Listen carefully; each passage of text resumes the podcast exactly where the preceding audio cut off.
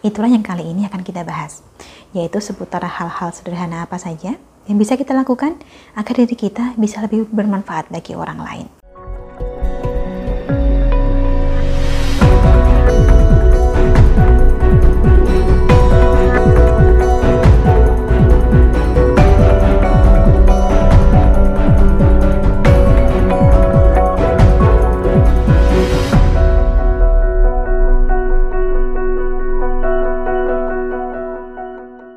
Salam Rahayu, dengan Dewi Sundari di sini. Apa kabar Anda? Saya doakan semoga Anda selalu sehat dan selalu diberikan kemudahan serta kelancaran di mana pun Anda berada.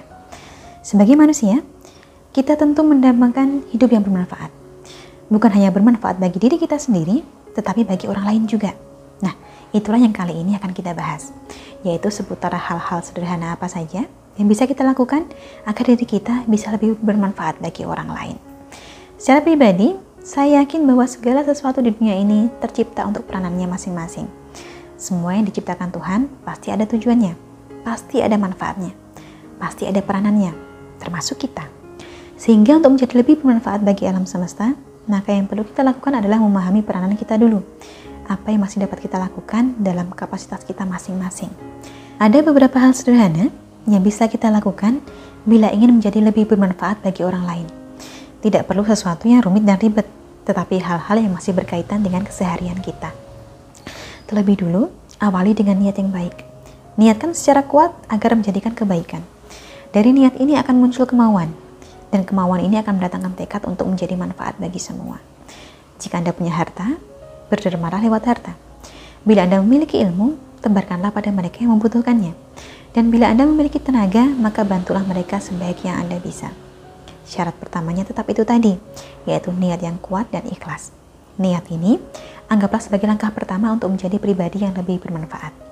Adapun langkah keduanya adalah dengan merawat lingkungan sekitar. Mulailah dari hal yang paling sederhana, misalnya membersihkan halaman atau pekarangan rumah sendiri. Jika ada panggilan kerja bakti, usahakan jangan mangkir. Ini sudah merupakan suatu kontribusi yang baik bagi lingkungan sekitar Anda. Kemudian cara ketiga, bantulah teman atau kerabat yang sedang dilanda kesusahan. Tanyakan apa yang sekiranya dapat Anda bantu. Namanya menolong tidak selalu dengan materi. Bisa menjadi pendengar yang baik saja sudah cukup untuk menunjukkan bahwa Anda bisa bermanfaat bagi orang lain. Apalagi di zaman sekarang. Zaman ketika ada kalanya kita sulit menemukan orang yang mau mendengarkan.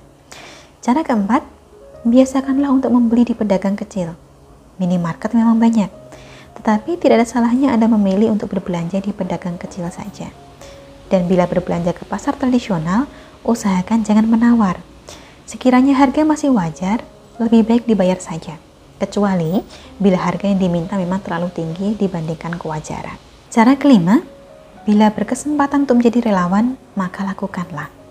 Cara keenam, Anda juga bisa mendonorkan darah secara rutin lewat palang merah setempat.